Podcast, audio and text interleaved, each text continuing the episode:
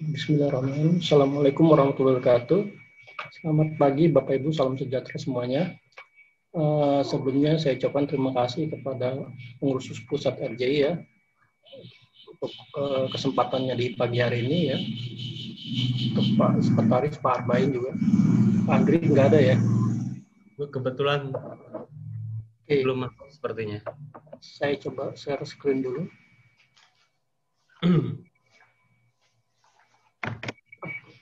Apakah bisa muncul ya? Bisa dilihat? Sudah. Oke, okay, baik. Uh, pagi ini Bapak Ibu, saya diminta untuk menyampaikan terkait uh, lisensi ya, lisensi dalam DOAJ ya. Lisensi ini seperti tadi Pak Arbain bilang ini jadi salah satu poin krusial yang kemudian sering menjadi alasan penolakan oleh eh, jurnal-jurnal uh, yang mengajukan aplikasi ke DOAJ. Nah, uh, kalau ngomongin lisensi ini sebenarnya ini berkembang terus ya. Jadi uh, lisensi ini berkembang terus dan sampai saat ini juga saya terus masih terus belajar. Jadi apa yang saya sampaikan di sini mungkin saja nanti beberapa waktu ke depan bisa saja berubah atau tidak tidak statis ya dinamis. Nah, dalam pagi hari ini saya akan coba judulnya sedikit saya rubah ya dari, daripada yang di flyer ya saya kan di dalam DOAJ, tapi ini lisensi Creative Commons dalam jurnal ilmiah dan DOAJ. Nanti di paparan saya kita akan lihat.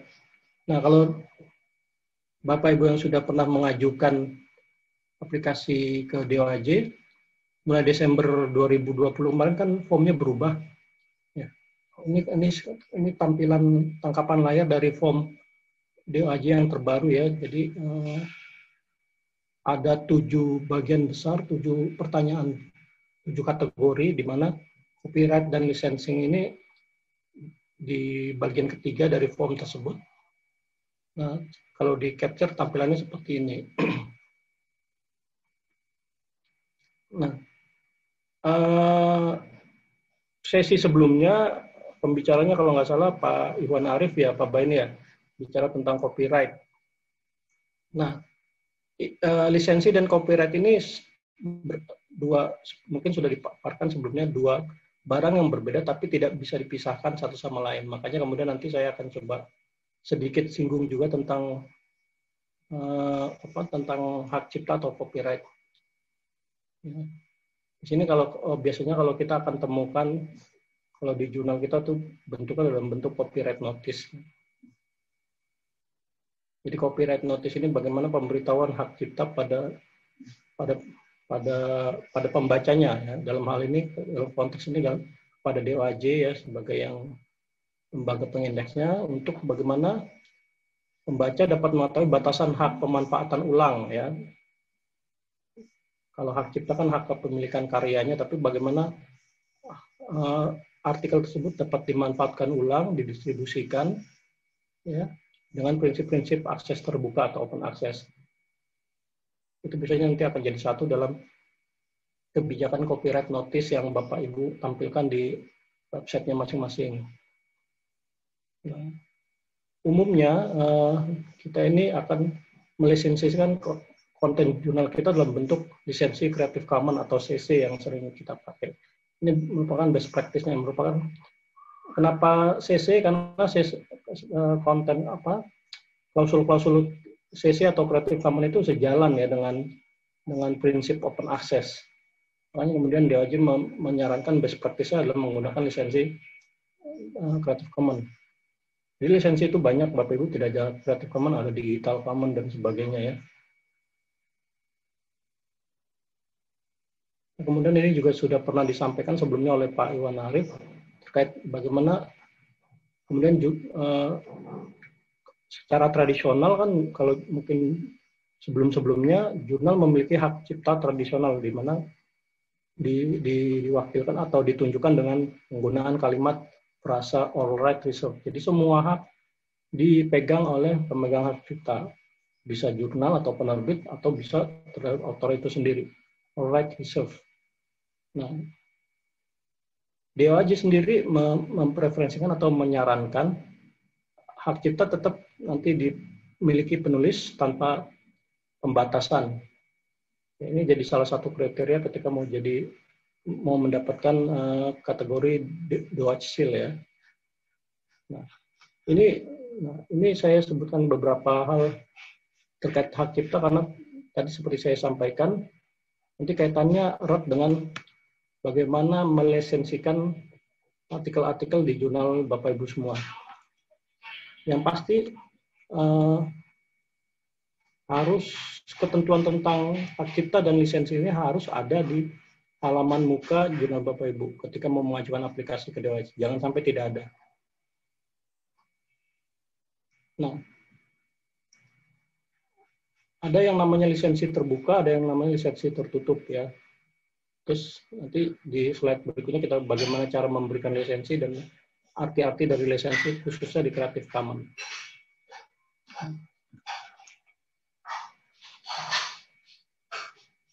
secara default, secara default itu setiap satu karya cipta itu dihasilkan maka otomatis hak ciptanya itu dilindungi. Ya. Salah satu unsur sebuah karya di, di, dikatakan sebagai memiliki hak cipta adalah ketika karya tersebut dideklarasikan secara publik atau kalau dalam bahasa kita pengajian dipublish. Ya. Dan ini secara defaultnya juga itu yang megang sebenarnya out, apa kreatornya dalam hal ini autornya. Nah, kemudian tiap negara itu beda-beda aturan terkait undang-undang hak ciptanya.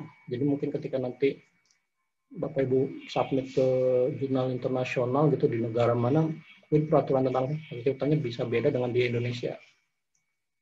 Yang perlu digarisbawahi bahwasanya hak cipta walaupun secara defaultnya ada di penciptanya tapi dapat dibagikan. Artinya eh, kontennya itu eh, karya ini dapat dibagikan.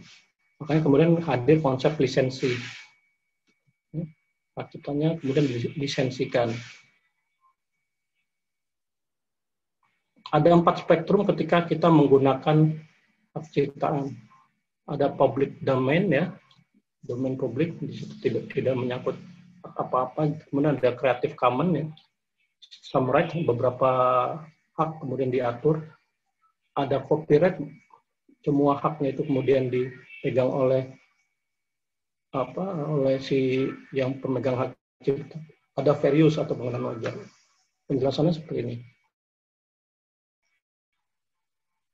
public domain itu kalau berlaku ketika cipta yang telah diidentifikasi bebas dari hak cipta. Jadi ada ada karya-karya yang sudah bebas dari hak cipta, ya, atau bebasnya kenapa? Karena mungkin tidak diketahui penciptanya siapa, atau mungkin hak ciptanya sudah habis masa berlakunya, dan itu dapat digunakan tanpa izin. Contoh, ketika paling gampang mungkin saya ngambil contoh lagu daerah Ya, lagu daerah itu kan kita mungkin nggak tahu ya, pertama awal muawalnya itu penciptanya siapa, siapa yang menciptakan di mana, tapi kita secara turun temurun kita gunakan, kita nyanyikan itu, itu udah jadi domain publik, udah menjadi hak milik masyarakat. Ketika kita lagu daerah kita mau gunakan, kita membuat versi terbarunya yang lebih modern itu, kita nggak perlu izin ke siapa-siapa. Itu karena sudah jadi domain publik ada use ya atau penggunaan wajar ini penggunaan material hak berhak cipta nggak perlu izin tapi syaratnya adalah digunakan untuk kepentingan pendidikan penelitian kritik dan jurnalisme jadi ketika suatu konten karya ciptaan digunakan untuk tujuan-tujuan tersebut pendidikan penelitian kritik jurnalisme maka eh, tidak perlu kemudian ada izin secara administrasi ya tidak perlu. Jadi cukup kita mencantumkan sumbernya aja atau atribusi dan tidak digunakan untuk kepentingan profit.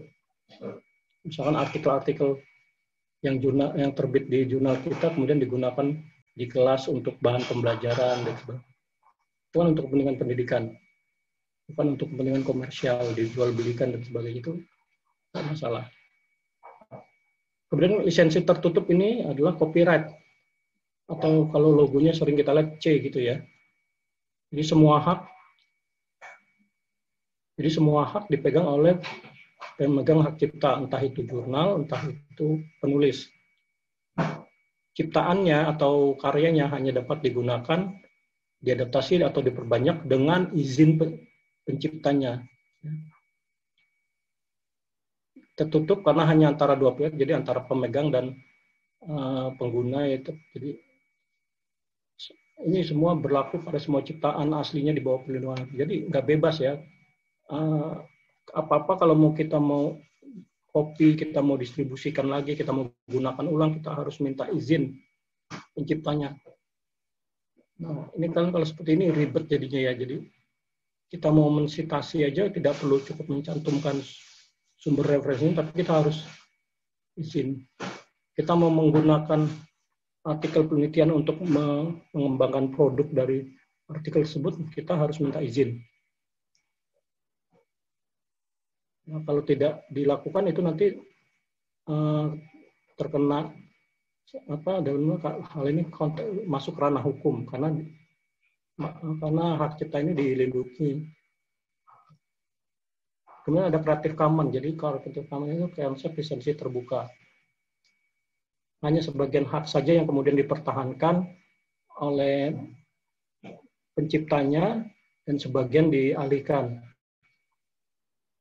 dalam hal ini hak intelektual, hak intelektual ini artinya hak terhadap karya ciptanya itu sendiri menjadi hak kreatornya ya, jadi penulisnya dalam hal ini.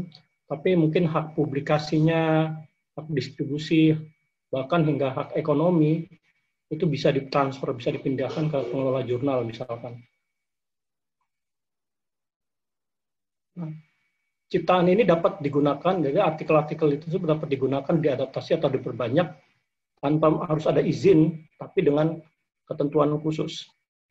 Ketentuan khusus itu seperti apa tergantung jenis lisensinya tadi. Ketentuan itu kemudian ditentukan oleh oleh pihak yang memegang hak cipta. Nah, lisensi terbuka ini berlaku untuk ciptaan-ciptaan atau karya-karya yang memang secara sengaja dilisensikan di bawah Creative Commons. Saya buat bagannya seperti ini. Jadi tadi pertama hak cipta kadaluarsa atau tidak diketahui penciptanya atau sudah sangat kuno gitu ya. Otomatis itu akan ciptanya langsung masuk ke domain publik bisa digunakan bebas free. Itu logonya nanti PD itu. Tidak ada hak cipta melekat di situ. Atau eh, ciptanya dilepaskan, ciptaan masuk ke domain publik, tapi bisa digunakan secara bebas asal tetap mencantumkan sumbernya atau menyebutkan atribusi. Itu yang namanya sisi zero. Silakan ketika saya punya karya saya saya lepas ya. Ini silakan mau dikutip, mau di, dijadikan buku, mau dijadikan apa terserah. Asal menyebut sumbernya aja. Atau hak ciptanya dipertahankan ini tadi yang copyright tadi ya. Jadi ketika menggunakannya memerlukan izin langsung dari pencipta. Nah, kalau dialihkan perlu copyright transfer agreement. Ya, jadi mungkin jurnal Bapak Ibu memperlakukan itu perlu ketika menyatakan bahwasanya sudah dipegang oleh jurnal atau penerbit, maka harus ada copyright transfer agreement atau persetujuan tentang transfer hak cipta. Di situ nanti klausul-klausulnya harus detail apa yang dipindahkan, bagaimana mekanismenya dan sebagainya. Atau yang terakhir dilisensikan. Hak ciptanya tetap pada penciptanya dalam hal ini penulis, kemudian memberikan atau memberikan haknya untuk penggunaan tertentu kepada pihak lain lisensi license ya license itu seperti kita izin ya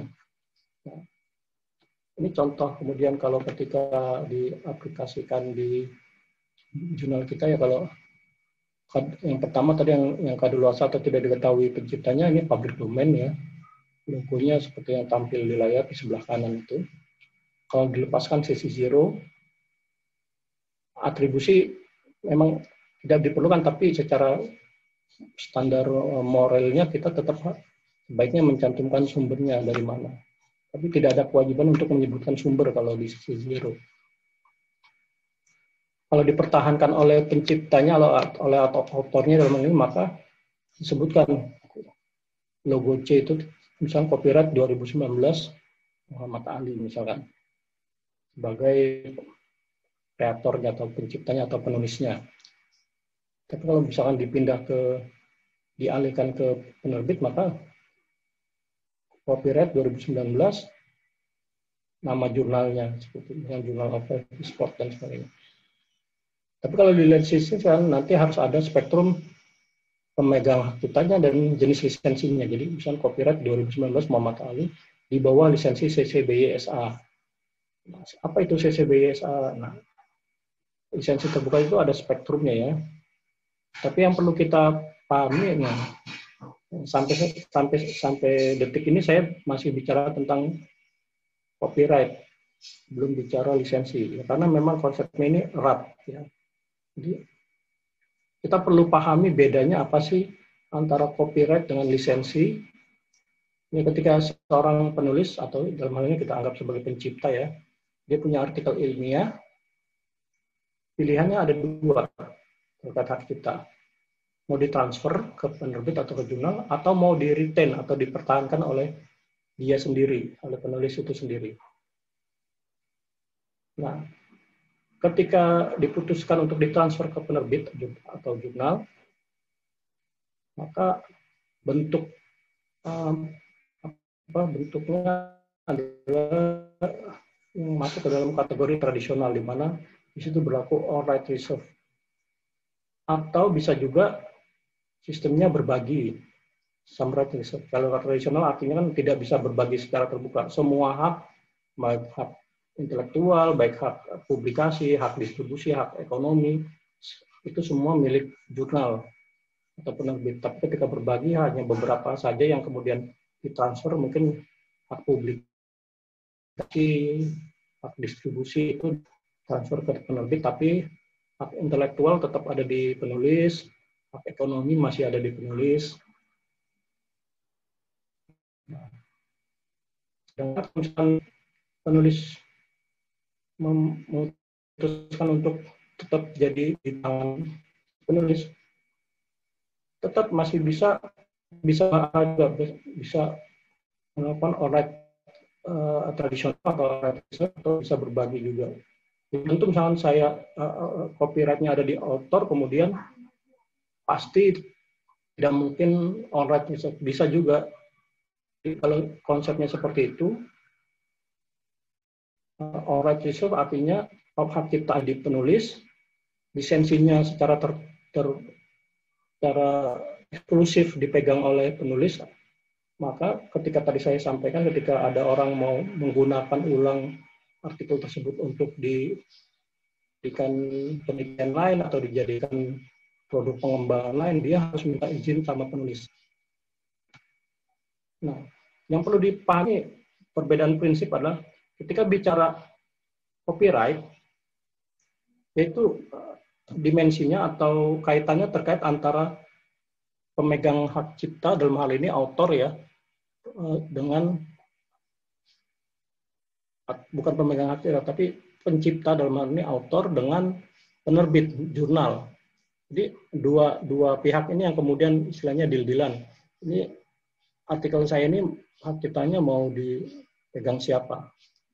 Tapi kalau bicara lisensi, maka ini antara siapa pun pemegang hak ciptanya bisa penerbit atau bisa penulis dengan pembaca atau siapa pun yang kemudian melihat artikel tersebut atau menggunakan. Jadi pihak ketiga dengan pihak ketiga. Nah, jadi bedanya di situ antara hak cipta dan lisensi. Kemudian di sini bisa kalau kita itu kaitannya antara kita pengelola jurnal dengan penulis, tapi kalau lisensi antara siapa pun pemegang hak ciptanya bisa jurnal, bisa penulis, dengan yang membacanya, dengan yang menggunakan artikel atau mendistribusikan artikelnya dengan pihak ketiga.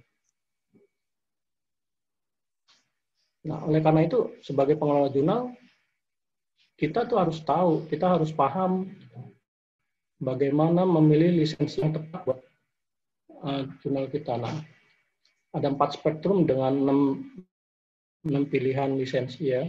Jadi, kasus selama pengalaman ketika kita di tim AE atau editor DOC ini ketika bisa kebijakan policy lisensi jurnal itu adalah saya saya rasa kadang-kadang kita tidak paham apa yang kita cantumkan di di jurnal kita khususnya terkait kebijakan lisensi. Mungkin mencontoh saja dari jurnal lain, tapi kita kopas ke jurnal kita, ternyata nggak berhasil ditolak.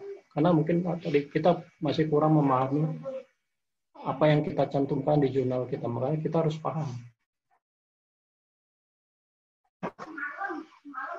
Ini ada spektrum. Jadi bicara lisensi Creative Commons ada empat spektrum ya. Yang pertama attribution ya logonya yang logo orang itu sering kita lihat. Attribution artinya kita wajib memberikan kredit atau atribusi kepada pencipta atau pemegang hak kita. Kemudian yang ND atau non derivative work yang logonya itu adalah simbol sama dengan Artinya ketika ada logo ini artinya bentuk ciptaan tidak dapat diubah atau dibuat produk turunan. Apa itu produk turunan? Artinya produk yang kemudian dikembangkan dari artikel tersebut. Ambil contoh misalnya gini. Saya selalu ngambil contoh ini terkait saya penggemar novel Harry Potter ya produk awalnya Harry Potter itu kan sebuah novel gitu ya, novel fiksi. Dari novel kemudian diangkat ke layar lebar jadi film. Nah, film itu merupakan produk turunan dari novel. Kemudian dari film itu kemudian saya pernah searching itu bahkan ada orang yang sampai meneliti kaitan film Harry Potter terhadap uh, psikolog, psikologis anak. Nah, itu kan jadi karya turunan berdasarkan dari film tersebut dijadikan sebuah riset.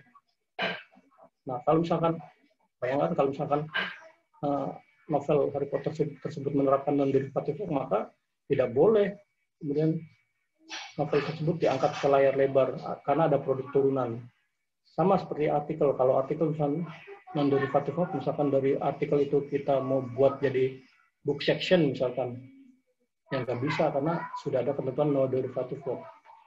Ini paling restriktif. Kemudian ada share alike yang logonya seperti panah panah melingkar itu ya. Jadi ya, share alike itu mewajibkan ciptaan-ciptaan turunannya itu harus menggunakan lisensi yang sama dengan aslinya. Jadi kalau tadi misalkan novelnya pakai CCBY ND gitu ya, CCBY SA, maka si filmnya juga harus CCBY SA. Kalau artikelnya CCBY SA, maka book sectionnya juga harus CCBY SA. Tidak boleh CCBY NC gitu atau ND. Nah, cuman masalahnya di kita itu belum ada kemudian yang kemudian mengontrol itu. Kemudian ada yang terakhir non komersial logo dolar dicoret itu artinya tidak untuk kepentingan atau tujuan komersial. Nah, ini juga non komersial ini jangan diartikan bahwasanya kalau saya pakai NC berarti jurnal saya harus free. Free dari APC, bukan, bukan seperti itu ya. Non komersial ini artinya terkait kontennya ya, penggunaan kontennya. Apakah kalau misalkan jurnal saya berbayar, uh, saya bisa menggunakan non komersial? Boleh, tetap boleh. Kalau kalau APC itu kan operasional ya terkait operasional bapak ibu sebagai pengelola jurnal nah tapi kalau apa namanya kalau non komersial di sini lebih ke artikel. Jadi misalnya gini yang paling sering yang misalkan sekarang lagi booming terkait vaksin gitu ya. Misalkan ada penelitian terkait uh, apa daun sirih untuk potensi sebagai uh, obat kanker gitu ya. Kalau kemudian artikel tersebut dilisensikan dengan ada spektrum non komersial, maka penelitian tersebut tidak diperkenankan untuk diubah menjadi produk. Jadi hasil penelitian tersebut digunakan oleh industri farmasi misalkan untuk dijadikan untuk kapsul atau obat yang secara fisik untuk kemudian dijual secara komersial. Nah, artinya terkait kontennya gitu ya. Jadi bukan yang komersial ini artinya harus gratis karena jurnal saya tidak berbayar berarti non komersial bukan bukan seperti itu. Nah itu di sebelah kanan simbol-simbolnya di tengah itu ada kombinasinya ada CCBY artinya CC-nya itu Creative Commons, BY-nya by attribution. Semakin banyak kombinasinya ya, yang paling bawah itu CCBY, NCND. Semakin banyak kombinasi dari spektrum lisensi tadi, artinya semakin restriktif, semakin mengikat, semakin ketat, semakin tidak bebas orang untuk kemudian me menyebarluaskan. Yang paling bebas itu yang atas CC0 dan CCBY. Jadi kalau CCBY nggak ada nggak, banyak macam-macam asal sudah menyebutkan atribusinya maka silakan disebarluaskan, silakan dikopi, diperbanyak, digandakan, silakan. Nah. nah ini, kemudian kalau di DOAJ itu kan ada ya klausulnya ya, kalau di form yang lama itu, apakah penulis memegang hak cipta tanpa batasan, apakah kemudian penulis, autor, memegang hak publikasi tanpa batasan. Nah, di layar ini saya coba bikinkan diagramnya ya, bagaimana kemudian Bapak Ibu bisa memilih lisensi yang paling cocok dengan karakter jurnal Bapak Ibu sendiri ya. Jadi misalkan kita artikel jurnal tempat kita ditanyakan apakah memerlukan atribusi perlu disebutkan nggak sumbernya? Umumnya kan perlu berarti iya. Tapi kalau iya ditanya lagi. Apakah boleh dikomersialkan artikel-artikel tersebut? Konten-kontennya bisa dibuatkan digunakan untuk kepentingan komersial pihak ketiga? Oh, nggak boleh pak. Kalau nggak boleh berarti kita ke kiri ya ditanya lagi apakah boleh diadaptasi atau dimodifikasi? Maksudnya diadaptasi dimodifikasi ini dibuat karya turunannya tadi ya derivatif tadi. Tidak tidak boleh. Harus tetap apa adanya gitu ya. Maka kalau seperti itu jawabannya kita akan diarahkan pada tipe lisensi CC BY NC ND CC by attribution non komersial non derivatif tapi misalkan boleh dimodifikasi ditanya lagi apakah kemudian nanti artikel atau produk-produk turunannya itu harus punya lisensi yang sama dengan jurnal kita. Kalau tidak, maka cukup, CCBYNC, tapi kalau iya CCBYNC SA. Ada elemen SA share alike-nya. Nah, balik lagi ke atas, kalau misalkan boleh, ya Pak, silakan boleh di komersial, artikel-artikel di tempat kami boleh digunakan untuk kepentingan komersial oleh pihak ketiga pertanyaannya sama lagi setelah itu boleh nggak diadaptasi atau dimodifikasi dibuat produk turunannya? Oh nggak boleh. Maka cukup CCBY ND kalau boleh maka ditanya lagi tadi apakah harus berlisensi sama? Tidak pak. Berarti CCBY aja. Kalau harus berlisensi sama maka ada CCBY SA jadi kita kita sebelum menentukan lisensinya kita harus tahu apakah artikel-artikel di jurnal kita itu terkait komersialisasinya diperkenankan atau tidak, boleh digunakan atau dibuat produk-produk turunannya atau tidak, apakah harus menggunakan lisensi yang sama atau tidak. Nah, ketika kita itu sudah tahu, sudah menetapkan, kita akan mudah menerapkan lisensi yang mana yang kita terapkan. Kalau kita sudah paham ini, berarti paling tidak kita sudah selangkah lebih maju untuk memahami apa yang kita cantumkan di jurnal kita.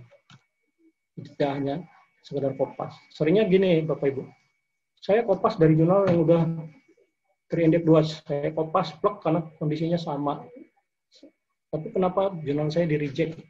Itu diterima. Ya karena tadi tiap-tiap jurnal itu kondisinya bisa beda-beda. Yang penting Bapak Ibu memahami apa yang dicantumkan di jurnal Bapak Ibu khususnya terkait lisensi. Nah ini best practice-nya adalah DOAJ ini selalu mengajak Bapak Ibu sebagai pengelola jurnal atau penerbit untuk menyatakan dengan jelas dan dengan bahasa yang sederhana ya, tentang syarat dan ketentuan penggunaan dan penyebar luasan konten artikel. Nah, bahasa yang sederhana ini penting, apalagi sering kita ketika menilai uh, aplikasi doa itu ketemu, apalagi pakai bahasa Inggris ya, policy-nya pakai bahasa Inggris, bahasanya muter. Sebenarnya bingung yang nilai ini sebenarnya lisensinya apa sih? Boleh nggak sih disebarluaskan? Boleh nggak sih didistribusikan secara di, uh, secara bebas atau terbatas? Nah, karena bahasanya tidak sederhana, jadi menimbulkan kerancuan. Biasanya kalau seperti itu nanti akan diberi catatan oleh DOAJ. Nah, ini juga best practice-nya. Bapak Ibu diharapkan persyaratan atau pernyataan lisensi ini harus tersedia dalam konten konten baik dalam bentuk metadata ya jadi lisensi ini harus bisa di tadi kebijakannya sudah ada ya, sudah ada kebijakannya, maka secara metadata akan lebih baik juga tersemat di bagian metadata abstrak. Ya, makanya jangan lupa untuk mengaktifkan uh, lisensi. Jadi kalau di JSPK itu di setting distribution ya, diaktifkan itunya pilihan untuk menampilkan lisensi. Jadi ketika XML nya ditarik ya untuk diaktifkan DOI-nya, maka informasi lisensinya itu akan menempel di metadata abstrak. Kemudian praktis yang lain adalah di di versi full text-nya, di galley-nya juga juga dicantumkan lisensinya, mau di footer, mau di header, atau mau di halaman awal dari artikel, atau di setiap halaman, tapi lisensinya dicantumkan. Nah, terkait kebijakannya di website, ada kata-kata yang kemudian menjadi kata kunci ketika kita meriksa eh, pengajuan jurnal Bapak Ibu. Kata-kata seperti read, download, copy, distributed. Jadi ada baca, unduh, salin, distribusikan, dan print. Ya. Jadi itu adalah fungsi-fungsi dasar yang kemudian harus disebut. Yang kemudian akan lebih baik disebutkan bagaimana kemudian pihak ketiga dibolehkan untuk membaca, mendownload, mengcopy, mendistribusikan atau bahkan mencetak eh, artikel-artikel yang terbit di jurnal Bapak Ibu. Jadi kalau misalkan informasi ini tidak tersedia, artinya uh, aja akan sulit me, me, menilai apakah lisensi, bagaimana penerapan lisensi di artikel-artikel di jurnal panjenengan semua. Jadi seberapa jauh pembaca boleh membaca uh, boleh mengunduh, meng, kemudian dibuat salinannya, kemudian didistribusikan nanti dicetak. Nah yang paling parah ini ketika bukan kalimatnya ini yang nggak ada, tapi halaman kebijakan ini yang tidak ada.